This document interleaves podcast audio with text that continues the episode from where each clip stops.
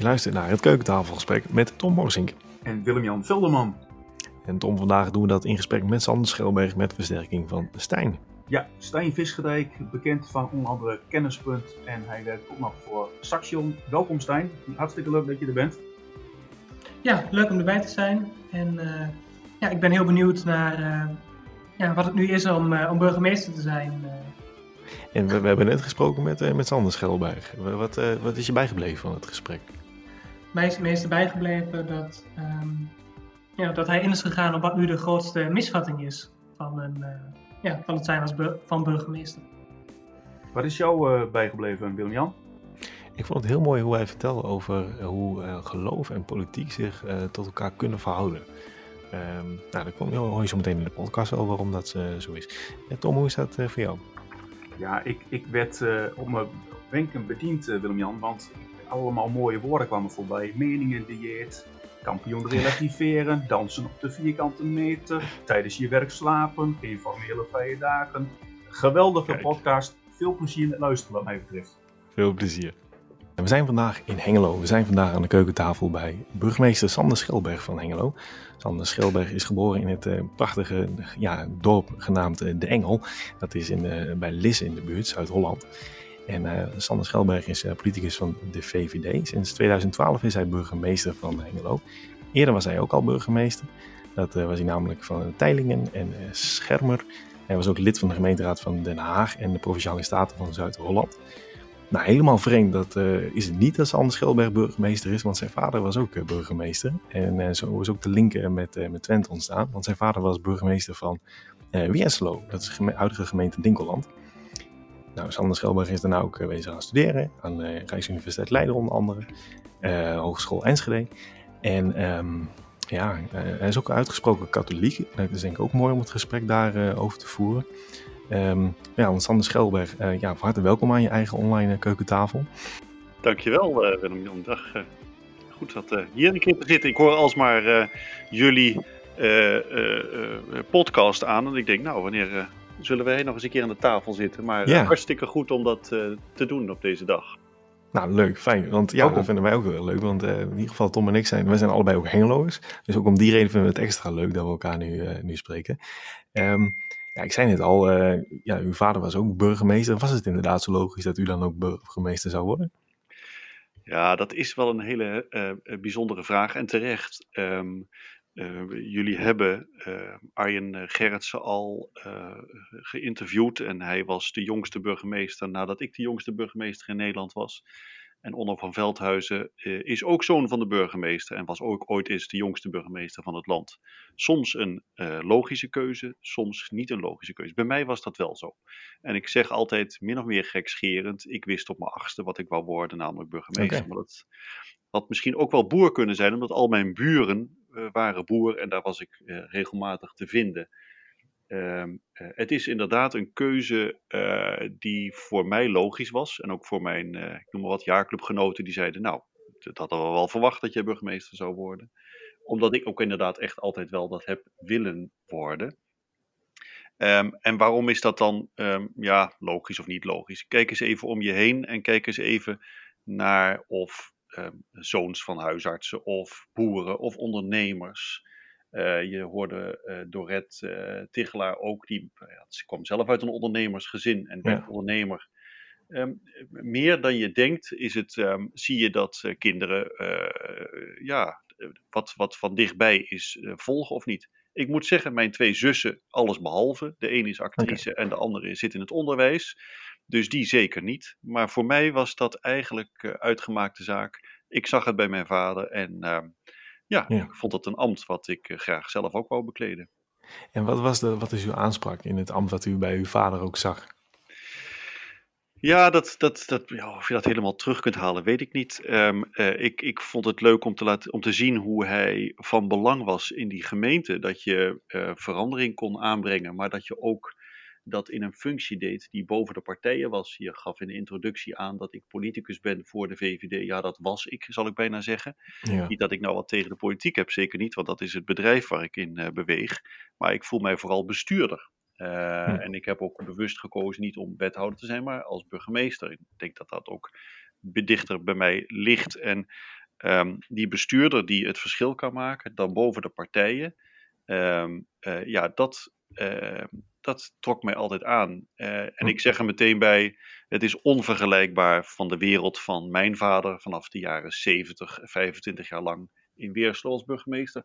Onvergelijkbaar met de methode waarop eh, het burgemeestersambt nu is.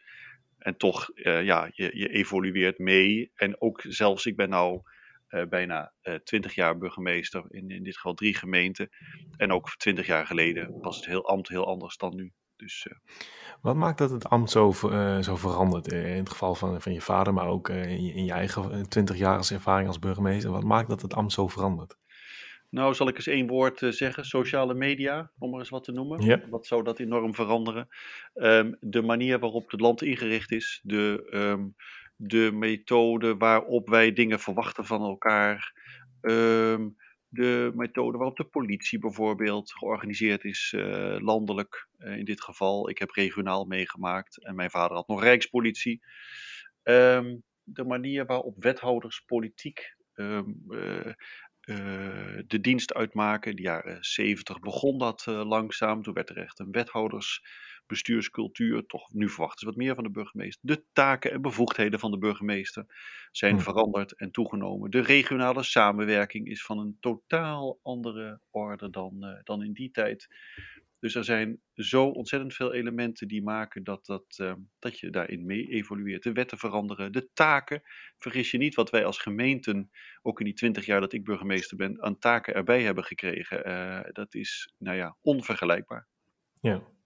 En vindt u dat, vindt u dat jammer dat, eh, dat dat zo verandert? Of, eh, Oh nee, ik hou van verandering. Dus eh, Hm. kijk, ik vind dingen op, op, op het niveau jammer dat we te weinig geld krijgen als gemeenten om onze taak ook echt waar te kunnen maken. Met name de jeugdzorg en de laatste decentralisatietaak. Ja. Maar ehm, dat stelt mij managerial, bestuurlijk wel weer voor de taak om te zorgen met elkaar dat dat ook moet gaan gebeuren. De dualisering was iets wat, wat mijn, mijn vader dan weer niet heeft gekend en ik alleen maar. Maar hoe ga je die dualisering vormgeven? Dat was een van de eerste taken twintig jaar geleden. Nou, dat, dat speelt nog steeds. Dus ja, nee, ik, ik, ik hou van die verandering en ik hou ik, eh, van, van, ook van de feiten hoe wij standaard daarin zitten. Du- Dus, dus dat je eh, altijd de burgervader bent. Verandert Mhm. dat? Nou, wel in een manier waarop, maar niet in de behoefte naar en aan. Ehm, eh, dus er zitten heel veel dingen in die, die vaste, vaste waarden zijn. En er zitten heel veel veranderingen in. En Ja. ja. ja, ik beschouw dat ook een beetje als een feit. En ik vind dat ook al wel uitdagend. Heren, wat is eh, dualisering? Ja. ja, daar wordt nu heel veel over gesproken als het gaat om landelijk in de Tweede Kamer. Daar wordt overigens ve- veel. Ehm, eh, je moet denken dat ehm, eh, voor, die, de, voor de dualisering, het monisme, was het zo dat de wethouders uit de gemeenteraad werden ehm, eh, ge- gehaald. Maar ze, ging, ze bleven onderdeel van die gemeenteraad. Dus ze waren. Ik kan bijna zeggen, in Engeland ken je het ook wel, hè, dat die, dus de, de, de, de ministers die zijn nog steeds onderdeel van de House of Parliament, hè, de, de parlement, het lager huis. Hm. Nou, dat kenden we toen ook. Dat betekende dat de rollen tussen gemeenteraad en college, dat die ja, eigenlijk in elkaar overliepen. En dat er geen duidelijke controlerende en kaderstellende rol bestond voor die raad. Want die, was, die, die wethouders waren een onderdeel van die raad. Ja. Maar nu is het zo dat, en dat wordt vaak ver- eh, verkeerd begrepen, dat ze tegenover elkaar staan. Nou, dat is niet het geval. Maar dat we andere bevoegdheden en taken en verantwoordelijkheden hebben. De gemeenteraad controleert het college en geeft het college een, een boodschappenlijstje mee in de vorm van die kaderstelling. En, Ja. de, en het college is uitvoerend en dient verantwoording af te leggen. En dat zit, die zijn niet in elkaar verweven. En dat geeft dus wat meer heldere rollen. En dat heeft Elzinga, eh, zo onder de tijd dat ik bestuurskunde studeerde, is dat toen ook ingevoerd en is die wethouder dus uit, eh, uit de gemeenteraad gehaald. ja. Dat wordt ook nou een beetje uitgelegd vaak als, als macht en tegenmacht. Wat vind je daarvan? Ja, dat, dat kan kloppen, waarbij eh, de informateur Cenk Willink wijze woorden zei. Die zei namelijk, ja, maar dat betekent wel dat de verantwoordelijkheid van de gemeenteraad is dat zij op hetzelfde niveau gaan bewegen als, dat, als die bijvoorbeeld van het college. Nou doen de gemeenteraden, dat vind ik al heel veel beter dan de Tweede Kamer. Eh, ik vind dat de Tweede Kamer veel te veel naar achter leunt en zegt: eh, wij vragen, u draait. Nee, een tegenmacht betekent dat je op hetzelfde gelijkwaardige, intellectuele, eh, politieke vlak net zo sterk bent als de regering. En dat hoort over en weer te gaan. dat zie ik de Tweede Kamer minder doen dan dat ik dat de gemeenteraden zie doen, die veel, vind ik, veel dualer dat kunnen doen. Maar duaal wordt ook vaak verward met het feit wij zijn tegen of we zijn de tegenmacht in de zin van oppositie. Tegenmacht betekent gelijkwaardige mede optrekken in die macht. Ja. Okay. Je zei net ook um, van, uh, over de rol van wethouder. Uh, mij ligt de rol van burgemeester ligt mij meer. Ja. Um, waarom, waarom is dat zo? Nou, kijk, een wethouder is een politiek bestuurder. Ik ben um, in die zin niet. Ik ben wel onderdeel van het politieke bedrijf, maar ik ben geen politicus. Het wat maakt een verschil tussen een politiek, politicus en een bestuurder? De, een politicus dient de verschillen duidelijker te maken om te laten zien waar zijn of haar partij staat. Een bestuurder, en zeker een burgemeester, dient met name de bruggen te slaan. Dus die dient de, de, de verschillen te overbruggen. Uh, sommige mensen zeggen, een burgemeester is ook bijvoorbeeld een oliemannetje. Die moet zorgen dat andere mensen in hun positie komen. De gemeenteraad, de wethouders. En ik ben er dus als boven de partijen staande bestuurder verantwoordelijk voor dat die wethouders in hun kracht komen te staan, om het maar een lelijke Nederlandse term te gebruiken, maar dat zij kunnen doen wat ze moeten doen, maar ook die gemeenteraad. En ik hecht ook bijzonder uh, veel waarde aan het feit dat ik voorzitter ben van die gemeenteraad.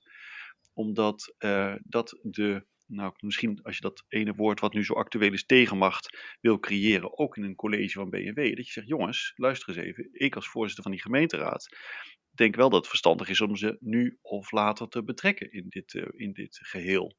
Maar ook daar een oliemannetje in te zijn. Dus uh, een verbinder wordt altijd gezegd, hè, burgemeester moet een verbinder zijn. Dat is een wat holle frase voor dingen dat je moet zorgen dat um, nou ja, anderen in hun bevoegdheden ja, kunnen, zo optimaal mogelijk kunnen werken. En dat geldt ook voor de ambtelijke organisatie naar de gemeentesecretaris toe. Dus je zit, ja, je hebt wel eens van die, je zit aan meerdere touwtjes te trekken om mensen te laten, um, uh, te, te, laten doen wat ze moeten doen. En dat geldt dus ook voor de stad, want ik ben ook tegelijkertijd die burgervader die goed moet luisteren naar zijn inwoners en moet kijken of ik die inwoners in verbinding kan brengen met of de politiek, het college, ambtenaren, of dat ze ja, uh, de, de, kansen krijgen die ze daar hebben. Want vergis je niet, het is niet het gemeentebestuur die de stad maakt. Het zijn natuurlijk gewoon de inwoners, ondernemers, verenigingen. Uh, die optelsom daarvan, die, die zorgen uiteindelijk dat die stad beweegt. Ik ben wel benieuwd, uh, Stijn, wat, wat, wat, jou het meest zal aanspreken. Zo'n rol als wethouder, zoals net uitgelegd, of toch meer die burgemeester? Heb je een voorkeur? Um, ja, dan, en zeker met dit verhaal wat, wat er nu bij wordt verteld door, door Sander, um, vind ik denk ik die, die burgemeestersrol een stuk interessanter. Um, juist dat, dat, dat die verbindende factoren ja, mensen bij elkaar brengen ik denk wel dat dat een, ja, dat het best wel een leuke rol is die je kunt, kunt invullen. En ja, dus dat zou me denk ik ja, eerder aantrekken. Ja, dat kan, uh, Stijn. Uh, zo zijn jij zegt van nou, die verbindende rol vind ik leuker. Nou, dat is inderdaad uh, de rol van burgemeester. Maar ik ken ook heel veel wethouders die zeggen: ik moet er niet aan denken om niet overal een mening over te kunnen geven. Ik moet er niet aan denken om boven de partijen te moeten gaan staan. Ik wil juist veel scherper aan de wind varen en zeilen om um, ja, die scherpte, principes bijvoorbeeld, of op basis van argumenten, um, ja, uh, scherper aan de wind te, te varen. Ja, dat vindt anderen vinden dat weer uh, veel en veel leuker. Moeten er niet aan denken om, om boven die partijen te moeten staan. Ja, en he heeft u ook wel eens het gevoel van, um, dit is een onderwerp waar ik graag mijn eigen mening over had, had willen geven? Um, nou ja, zeker in deze wat gepolariseerde tijd. En ik vind dat een onderwerp waar ik ook heel veel tijd en energie in stop. Hè, de polarisatie in Nederland. En wat moet een burgemeester daar dan in? Daar kan ik een aparte podcast over vullen. Maar um, vind ik, uh, en heb ik mezelf ook wel op een meningendieet uh, gezet. Uh, in die zin dat meningen, ehm, merk ik in het hele maatschappelijke debat, er alsmaar minder toe doen. Omdat ja, een mening is leuk. Maar wat mm. gaan we daarna mee doen? En ik ben ook altijd wel van de resultaten. En meningen zijn, brengen niet zo heel veel effect tot echte resultaten. Um, Oké, we hebben allemaal een mening en wat gaan we dan doen? Dus ik probeer nou uh, eigenlijk de functie te hebben: oké, dames en heren, ik heb al uw meningen gehoord en wat gaan we nou doen? Dus ik ehm, eh, en dat dieet, dat gaat heel aardig. En ik voel ook alsmaar minder in de gepolariseerde samenleving minder de behoefte om, om zelf een mening te hebben dan wel te zoeken naar en wat gaan we dan doen. Juist. Um, Sander, als vaste luisteraar van deze podcast weet je ook dat we erg geïnteresseerd zijn in het werkklimaat van uh, de diverse ambtsdragers. Um, hoe deel jij je werkweek in? Hoe ziet die eruit? Kun je wat ja. over vertellen? Ja, dat is een beetje de gedachte dat ik op, uh, op zondagmiddag eens naar mijn agenda van de rest van de week uh, kijk, uh, bij, bij, wijze van spreken. En dan staat de agenda gewoon vol. Um, maar het grappige is dat dat niet altijd de werkelijkheid is en dat er gedurende die week nog heel wat veranderingen in uh, worden aangebracht. Um, dat kan betekenen dat er iets van een crisis uh, uh, ontstaat, dat er een bepaalde actualiteit is, dat er ehm, ingegrepen moet worden of dat iets losgelaten kan worden. Um, dat iets niet doorgaat of juist naar voren wordt getrokken. Dus aan de ene kant staat die agenda aan het begin van de week redelijk vol. Maar hij kan ook heel erg wisselen uh, en veranderen. En dat vind ik ook heel erg leuk dat dat gebeurt. Komt niet altijd uit, maar het is wel weer aardig. En daarnaast zijn de, is de inhoud van die agenda ontzettend wisselend. Um, en dat vind ik het leuke ook aan het ambt, want um, het gaat van klein naar groot, van gesprekken met individuele inwoners tot grote organisaties, tot overleggen en dan heb ik het een beetje over voor coronatijd, of ze nou in Brussel zijn, of waar we alsmaar vaker komen, of in Duitsland of in Den Haag, of in Zwolle met de provincie, uh, over grote strategische verbanden, of dat je een 65-jarig huwelijk uh, bezoekt, dat je uh, belt of iets doet met, met een individu. Dus het wisselt enorm qua abstractieniveau, zal ik maar zeggen. of je een hele raadsvergadering voorzit, of dat je nou ja, met Kamerleden belt of dat je er bent. Dat, dat wisselt ook enorm. Dus dat maakt vind ik, heel erg aantrekkelijk. En zeker in coronatijd mis ik enorm het feit dat je, eh, en dat gebeurt dan ook vaak in het weekend of s avonds, dat er een evenement is waar je wordt gevraagd om bij te zijn. Dat er een, um, een social event is waar je wordt geacht bij te zijn. Um, om daar dan op een andere manier uh, invulling te geven aan het ambt van burgemeester. Juist. Nou, die zijn echt weggeslagen. Dus de, de coronatijd is heel gek is daar een enorm gat in die agenda uh, geslagen. En ja, eh, veel meer vergaderingen. Ja. Wat ik een stuk minder leuk vind natuurlijk. Ja, want wat zijn die onaantrekkelijke kanten van het ambt? Oh, en vergaderen. Ja. dus uh, uh, ongelooflijk veel moeten vergaderen. En dat kan ook nog wel eens trapsgewijs. Zeker omdat ik in, ook in het dagelijks bestuur zit, bijvoorbeeld van de veiligheidsregio. Ja, dan ga je zorgen dat in de voorbereiding moet je er dan zijn voor een onderwerp. En dan een keer in het dagelijks bestuur en nog eens een keer in het algemeen bestuur. Mm-hmm. Dus dan krijg je die dingen ook nog wel eens vaker in herhaling terug. Um, uh, dat geldt ook voor BMW, want dan komt hij in de gemeenteraad nog eens een keer terug. Maar uh, ja, het gekke, is, uh, het gekke is natuurlijk dat ik al zeg van ja, ik heb een broertje dood aan, aan, aan vergaderen. En terwijl dat toch een deel van mijn core business is. Ja, ja. Ja, maar goed, dat, dat zal denk ik wel iets anders zijn geworden door corona. Hoopt u ook dergelijke dingen nog vast te houden na coronatijd? Nou, weet je, ik ging ook wel eens um, uh, voor een, een, een, vergadering naar Brussel. Uh, daar ben je meer dan een dag kwijt voor een uh, korte of een, een, een, overleg. Ik kan me voorstellen dat we vaker via de Zoom ehm, dat soort korte overleggen ook zullen doen. Ja. Tegelijkertijd mis ik enorm de dynamiek van een vergadering, want dat is wel het aantrekkelijke. Ja. de, de afdeling wandelgangen, even schorsen even bij de koffieautomaat um, ja. uh, kijken waar kunnen mensen elkaar vinden.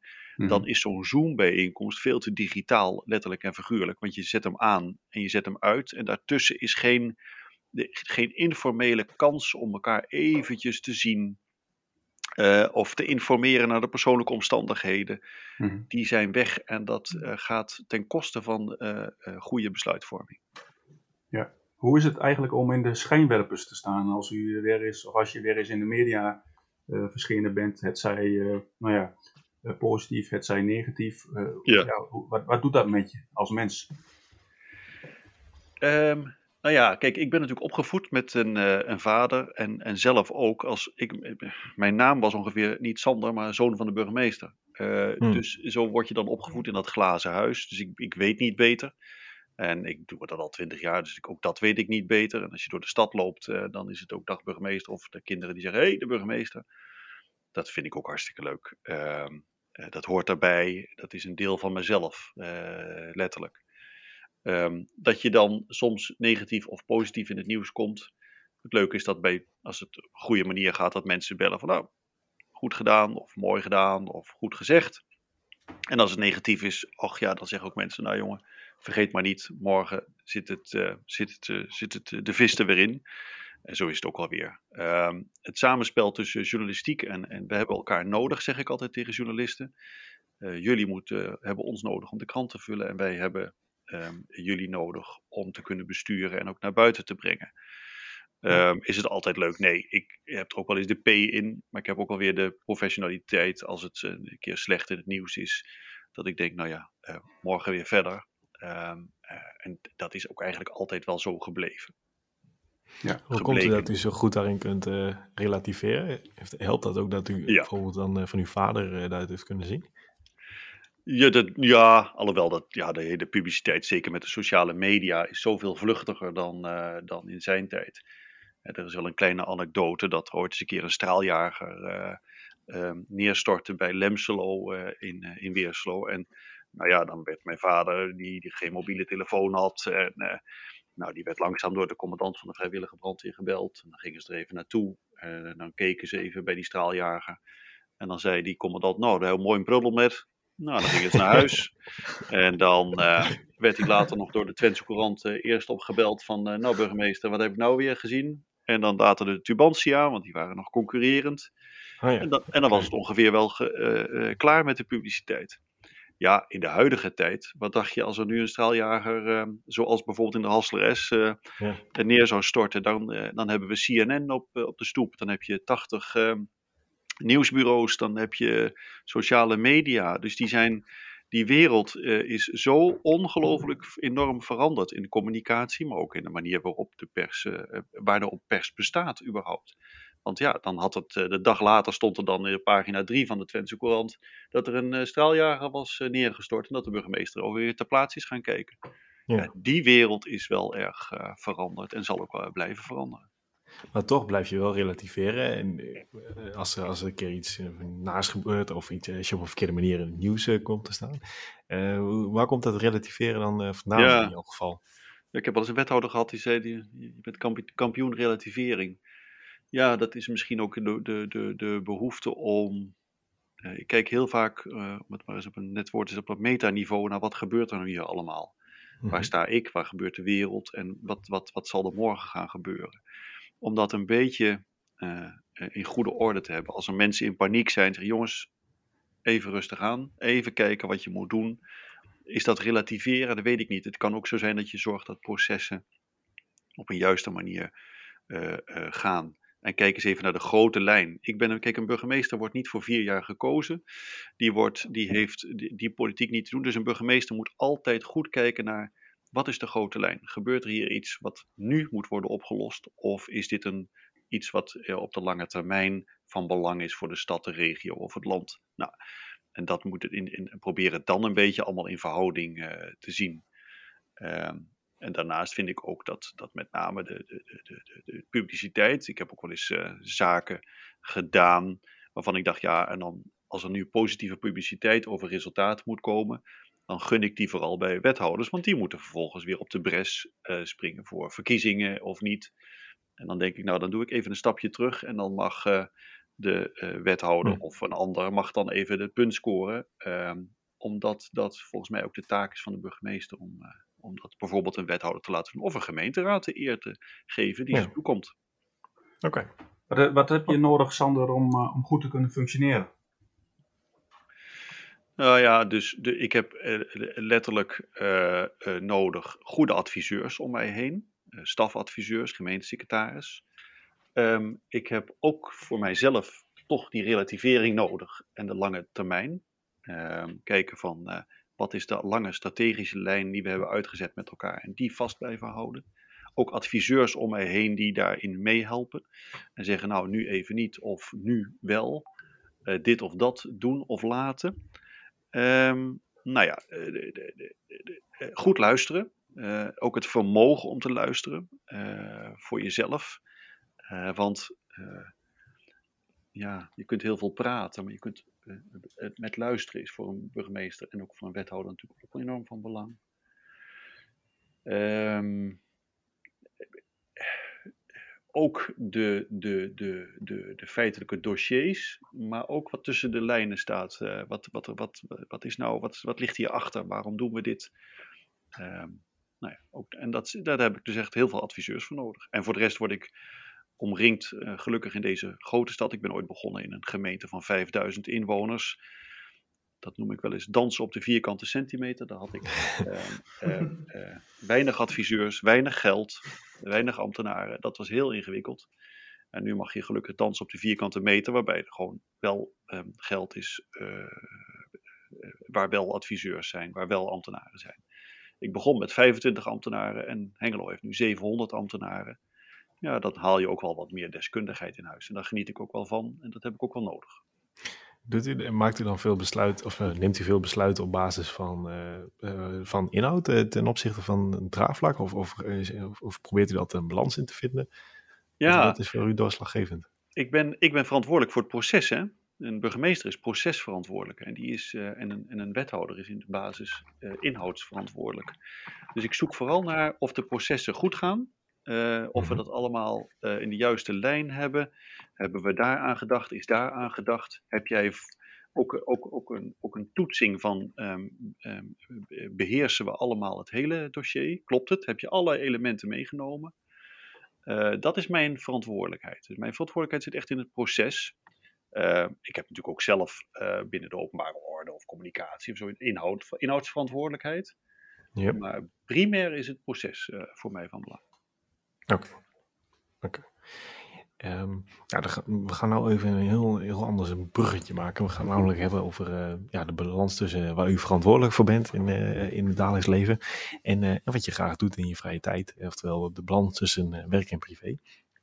Um, ja, en hoe, hoe zorg je ervoor, Sander, dat je daar voor jou zelf een goede balans in hebt? En wanneer spreek je van een goede balans tussen werk en privé? Ja, ja, weet je, alle burgemeesters beseffen dat uh, je 24 uur, dat, dat, dat, is, dat, dat wordt zo makkelijk gezegd, de burgemeester is 24 uur um, burgemeester. Dat is wel zo.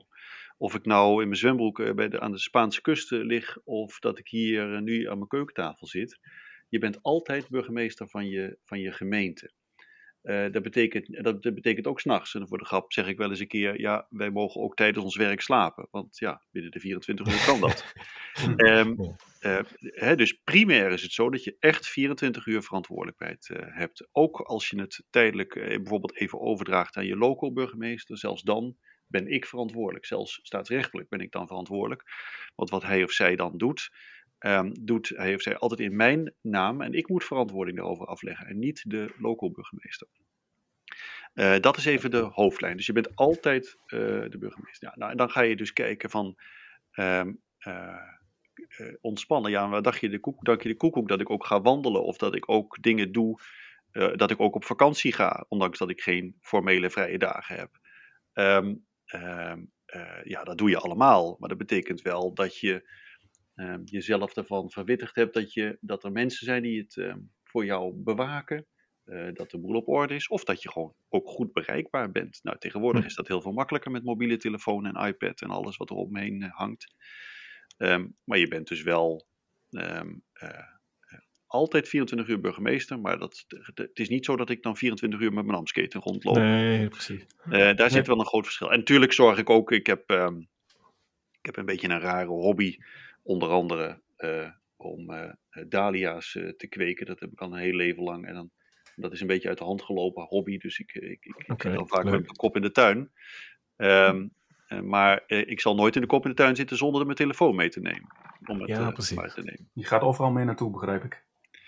Die gaat overal mee naartoe. En dat gebeurt dus ook vaak, ja, zeker in de coronatijd heb ik regelmatig de combinatie gemaakt van en telefoneren, want dat doe je natuurlijk heel veel. Uh, en in die, met je kop in de tuin, daar heb je tegenwoordig de oortjes voor en noem maar op. Dus de combinaties kun je wel maken. Maar uh, ja, de kinderen hebben wel eens af en toe, en zeker nu, die zeggen ja, kan het even een keertje niet? Of, uh, maar soms komt het ook heel onverwacht naar binnen. De politie belt natuurlijk regelmatig op van nou, dit en dit is aan de hand. De brandweer, de, de, ja. medewerkers. dit moet gebeuren, dat moet gebeuren. Ja, nou ja. ja want heeft u, heeft u ook afspraken, of heb je ook afspraken thuis met de directe omgeving over, over dat soort dingen? Um, nou ja, misschien zou ik willen dat ik afspraken had van dan en dan niet of dan en dan wel. Maar het gezin weet toch dat, dat, dat nog ik, nog anderen zich daaraan kunnen houden. Ja. Um, het gebeurt nou eenmaal dat. Um, Maar dan probeer ik het wel zo kort mogelijk te houden en zo strak mogelijk te houden. Uh, ik probeer het ook, dat kan in deze gemeente wat makkelijker dan in een hele kleine gemeente. Dat je zegt, joh, uh, regel dat even ambtelijk. Uh, dat mensen, dus met andere woorden, die, die, de adviseurs het gewoon zelf afhandelen. Ja, in een gemeente als de Schermen, waar ik begonnen ben, ja, dan was het veel meer hands-on. Dan ja. moest je veel meer zelf uh, aan de bak. En nu kan ik het ook vaak overlaten en met een paar woorden tegen een medewerker, ik noem wat een demonstratie is in de stad. Dan heb ik zodanig goede medewerkers die regelen dat met de organisatie. Ja, en in mijn eerste gemeente moest ik dan wel eens de organisatie zelf bellen en met hen over uh, spreken van dat wel, dat niet en zo, zo en zo niet. Ja. ja, dat is wel een verschil. Ja, ja dat is een groot verschil. Heel groot verschil. Maar je, belang, je zou dus eigenlijk een goede tip van jou zijn voor, voor bestuurders die ja, eigenlijk net beginnen. Eh, ik bedoel, zorg vooral dat er ook begrip is binnen je gezin of binnen je, je omgeving voor uh, nou ja, dat je dus inderdaad continu gebeld kan worden. Ja, ik heb wel eens gehoord dat er collega's waren die zeiden: Ik heb gesolliciteerd. En toen ik het werd, heb ik mijn vrouw medegedeeld dat we dat gingen doen. Nou, dat is de wereld volgens mij te klein hier. En dat gaat ook, dat, volgens, in mijn optiek kan dat ook niet. En ik weet dat ik solliciteerde naar de schermen destijds. En toen ben ik met mijn vrouw uh, meerdere keren door die gemeente gaan zwerven en gaan fietsen en weet ik wat. En toen moesten we samen, vind ik, um, um, uh, vond ik en voelden we ook uh, het jaarwoord zeggen ze, ja, dit is het. En toen, ik weet nog goed bij mijn eerste gemeente, de Schermer, toen zaten we ergens op een bankje en toen zei mijn vrouw, nou, doe maar goed je best, want uh, hier wil ik wel zijn en wonen en leven.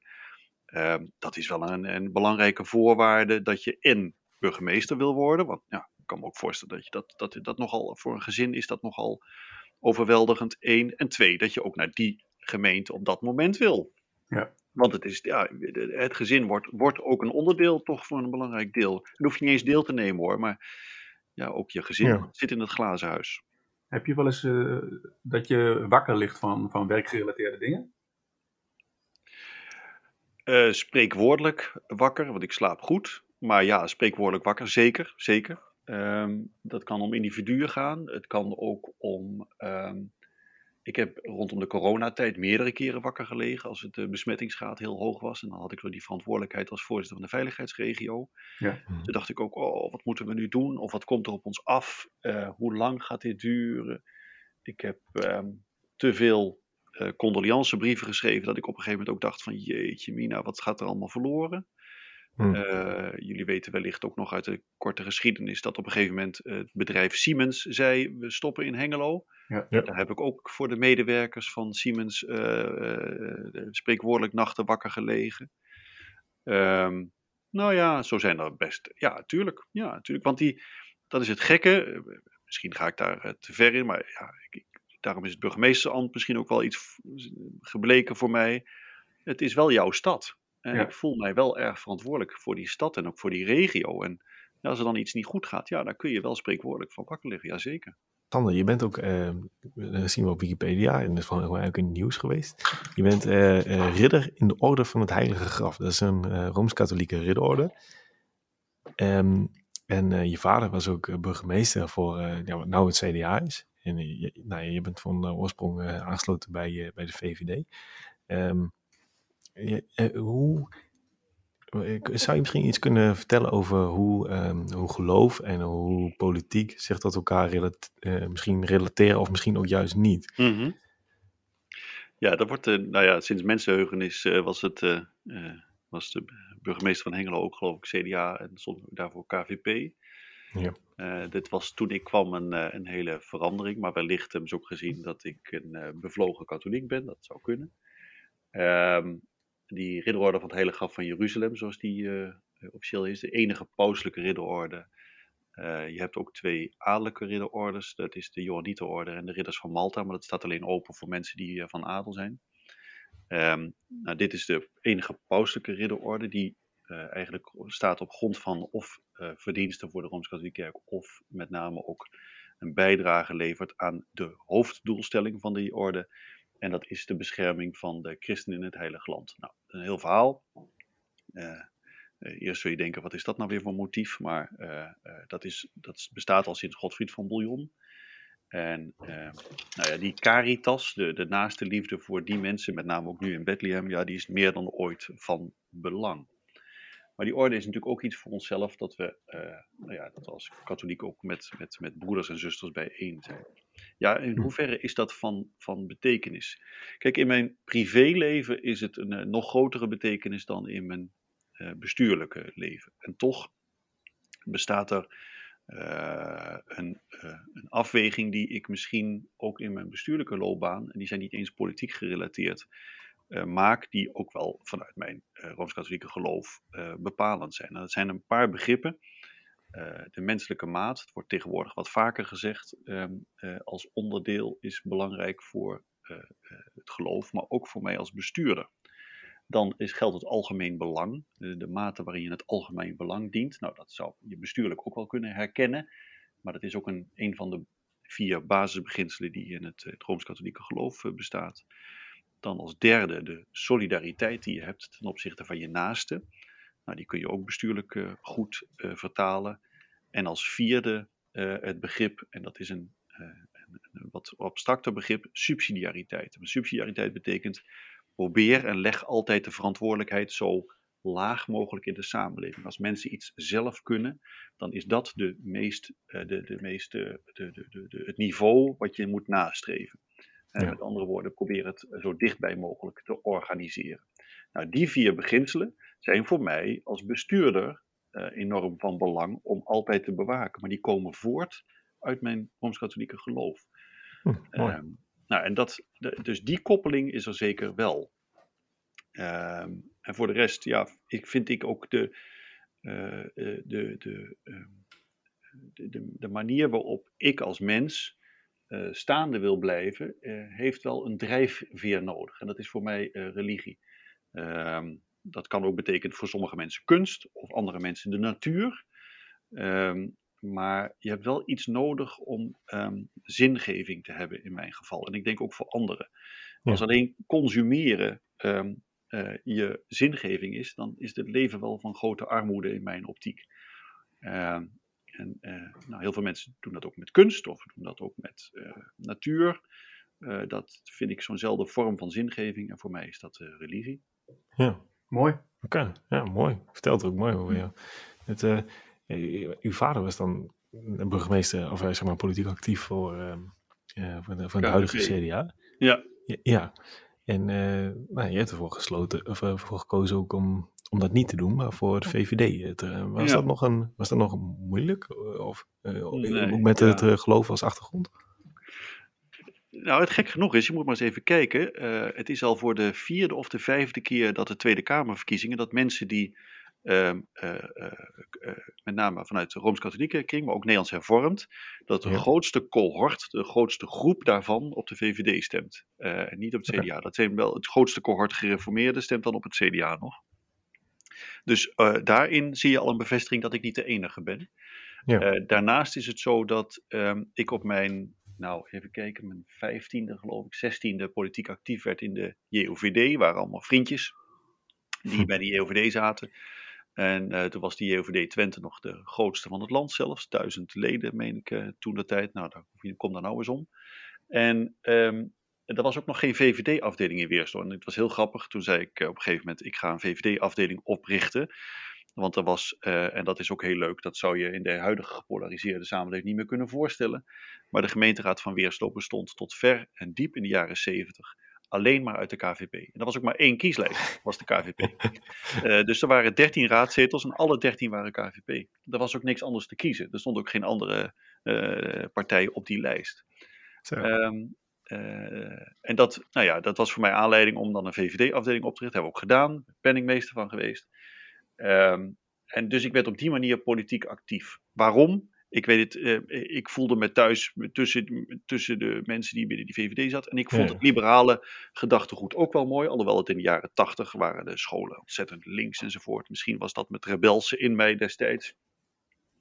En ehm, was ik dus eh, daarin actief. Ik heb me daar altijd in thuis gevoeld. En ook wel in het eh, liberale gedachtegoed. Ook omdat ik misschien om persoonlijke redenen, een heleboel, en misschien ook wel om geloofsredenen, een heleboel dingen niet zelf zou doen of, of willen. Maar dan heb ik wel primair de gevoel van, maar wie ben ik als bestuurder en ook als mens, om een ander te beletten eh, dat wel of niet te doen of te laten. Ehm, die liberale gedachte die is primair bij mij, ook in bestuurlijke zin. Dus ja, wat ik ook van ehm eh, zelf zaken vind, wat ik daar zelf mee doe, staat volgens mij los van het feit hoe je daar als samenleving mee om zou moeten gaan. Ik zeg niet mee vrijheid, blijheid, maar wel ehm, dat mensen tot een goede afweging moeten komen om zelf tot een andere afweging te komen. Die vind ik gaat, gaat bij mij verder dan dat ik hen dat moet opleggen. Oké, mooi. Mooi. Ja. Misschien, Eh, misschien is Stijn. dit- ja, ik wou zeggen, misschien eh, Willem-Jan, is dit een mooie gelegenheid eh, voor Stijn om nog ergens op terug te komen. Of misschien wat te vragen aan de burgemeester. Nou, ik, ehm, ik heb mijn extra tijd even gebruikt om, eh, om nog wat na te denken. Ehm, ik ben nog wel benieuwd, ehm, iets los van waar we het dan nu over hebben. Maar wat is nu een van de grootste misvattingen over het zijn van burgemeester? Ja. ja. Ja, nou ja, de, de, de, grootste, allergrootste misvatting over het algemeen zijn van burgemeester is eh, het feit dat eh, hij of zij de baas eh, van alles is. Dat is de, de, de primaire misvatting. Ehm, omdat de burgemeester vaak wel het gezicht is van de, van de stad en de gemeente. Sterker nog, de gemeentewet stelt dat de burgemeester in en buiten rechten, zoals dat zo mooi heet, de vertegenwoordiger is van de gemeente in de juridische zin. Maar het is natuurlijk primair zo dat de gemeenteraad, ik zeg er meteen bij, in meerderheid het hoogste orgaan is. Dat de uitvoerende macht bij het college van burgemeester en wethouders ligt. En ja, die burgemeester is dan en het gezicht van BNW in zijn voorzitterschap. En het gezicht van de gemeenteraad als voorzitter. En is ook meestal representatief de vertegenwoordiger van die gemeente. Maar daar zitten natuurlijk nog heel veel mensen achter hem of haar die eh, vanuit allemaal hun eigen verantwoordelijkheden de, ehm, eh, aan de slag moeten. Dus eh, het is niet zozeer dat de burgemeester de baas is. Sterker nog, we hebben in Nederland en het, eh, eh, die, die macht en dat gezag, daar hebben we verdeeld over meerdere organen. Maar primair denken mensen dat de burgemeester is. Komt ook doordat de burgemeester vaak ehm, niet van voorbijgaande aard is, tegenwoordig wat meer, Ja. dan bijvoorbeeld de politiek, want die moet elke vier jaar terugkomen. Dus dan blijft dat dat vertrouwde gezicht. Ehm, en dan, ja, dan ontstaat dat misverstand. Sander, we zijn aange- aangekomen bij de laatste vraag. Wat is je advies aan jonge mensen die een politieke carrière overwegen? Ja. Ehm, door eigenlijk, en dat sluit een beetje aan bij dat ingewikkelde begrip subsidiariteit, ga gewoon aan de slag. Want politiek ehm, eh, bevindt zich niet in die gemeenteraadzaal. Ja, uiteraard, de besluitvorming en de debatten. Maar eh, alsmaar meer ehm, eh, zit de politiek eh, gewoon in dat wat je graag met elkaar wil bereiken. En als ik jonge mensen hoorde in Hengelo die zeiden: We willen een skatebaan.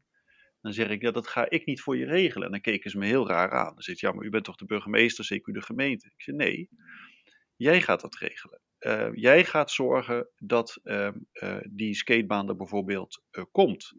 Ik wil niet zeggen dat je zelf gaat graven. En ik wil ook niet zeggen dat je alles moet betalen. Maar je moet wel zorgen dat er een dynamiek in die stad komt. Dat we dat gezamenlijk willen gaan doen. Dat de politiek dat wil. Dat ehm, er financiers zijn. Of dat we subsidie. Kan ik allemaal voor jou gaan sjouwen?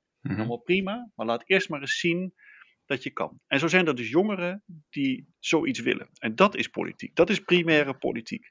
En als je daarna misschien bij de partijpolitiek terecht wil komen, dat gebeurt wel eens. Hè? Er zijn ook wel jongens en meisjes die zeggen, nou, dit, is, dit, dit smaakt naar meer. Ik heb niet alleen dat geregeld, dat, eh, maar ik, dit, dit- ik ga nu eens wat breder doen. Maar probeer het gewoon heel dichtbij te vinden. Eh, voer actie, Ehm, eh, sta op, eh, vind iets. Ehm, en dan gaan we heel langzaam, kom, je misschien ook bij partijpolitiek te- terecht. Maar dat is taai en dat is zeker in het huidige tijdsbestek ook saai.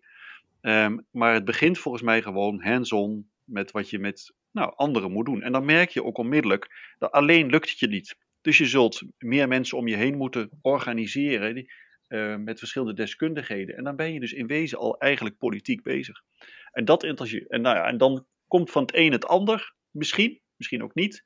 Maar ik zeg wel tegen jongeren altijd, en daarom, ik zei net, die JOVD van destijds was de grootste van het land. Nou, dat is nu helemaal nauwelijks meer iets, helaas.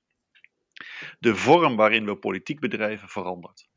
Um, uh, en, en, en, die enthousiasmeert. Uh, maar jongeren moeten wel beseffen dat de politiek en het bestuur primair over heel veel dingen gaat. En dus vooral ook over hen. Uh, en ik maak me best zorgen over het feit dat politieke partijen alsmaar minder leden hebben en krijgen. Want in die end gaat het wel over uh, partijpolitiek. En komt de besluitvorming in de gemeenteraden. Dus ik hoop wel dat jongeren dat inzien en dat zij uh, nou ja, het oppakken om, om echt gewoon iets te gaan doen. Maar nogmaals, pak op wat je met een aantal vrienden of genoten, dat, dat, dat je denkt van nou dat wil ik graag doen. Dan komt van het een misschien het ander. Mooie oproep. Mooi, want het is vanuit het, uh, vanuit het hart uh, ja, je inzetten voor de gemeenschap. En uh, dat is volgens, we, hebben, ja, we hebben jou ook leren kennen als iemand die dit vanuit het hart doet. Het zijn van, het zijn van burgemeester, het zijn van, ja, ja, van burgemeester voor, voor de stad Hengelo. En ook voor de regio Twente. En we willen je heel erg bedanken voor, voor dit fijne keukentafelgesprek, Sander. En um, ja, misschien toch nog even een laatste kijkje van, uh, stel we nemen deze podcast uh, over twee, drie, vier jaar op. Uh, waar zou deze keukentafel dan misschien komen te staan? Oh, nou, je bedoelt of ik dan nog in Hengelo ben of niet? Nou, dat denk ik Precies. wel. en, ik, en ik hoop ook dat die keukentafel mij dan ook wat perspectief geeft over de wereld na corona. Daar zit ik me nu ook wel op te pijnigen van wat ontstaat er dan. Uh, uh, ik ben nou dan, dan, dan zeker, maar ik zit bijna negen jaar al in de, in de stad en ik heb me nog geen dag verveeld, omdat er enorme dynamiek in Twente en in Hengelo uh, zit. Ehm, en ik ben dan met jou heel erg benieuwd wat er, ehm, eh, waar Hengelo dan staat, want de tijd gaat ook snel. We hebben heel veel eh, georganiseerd in de laatste jaren. Maar ik ben heel benieuwd, niet alleen waar die keukentafel staat, maar binnen, binnen welke stad Hengelo dan die keukentafel staat en hoe die stad er dan uitziet. Bij deze Mooi. spreken we af dat we over drie, vier jaar weer uh, in deze vorm uh, afspreken. Of elke tijd anders. Heel goed, dankjewel. Mijn naam is Stijn Visgedijk. Dit was de podcast met Sander Schelberg. Wat kun jij nog bijdragen aan, de, aan jouw gemeente?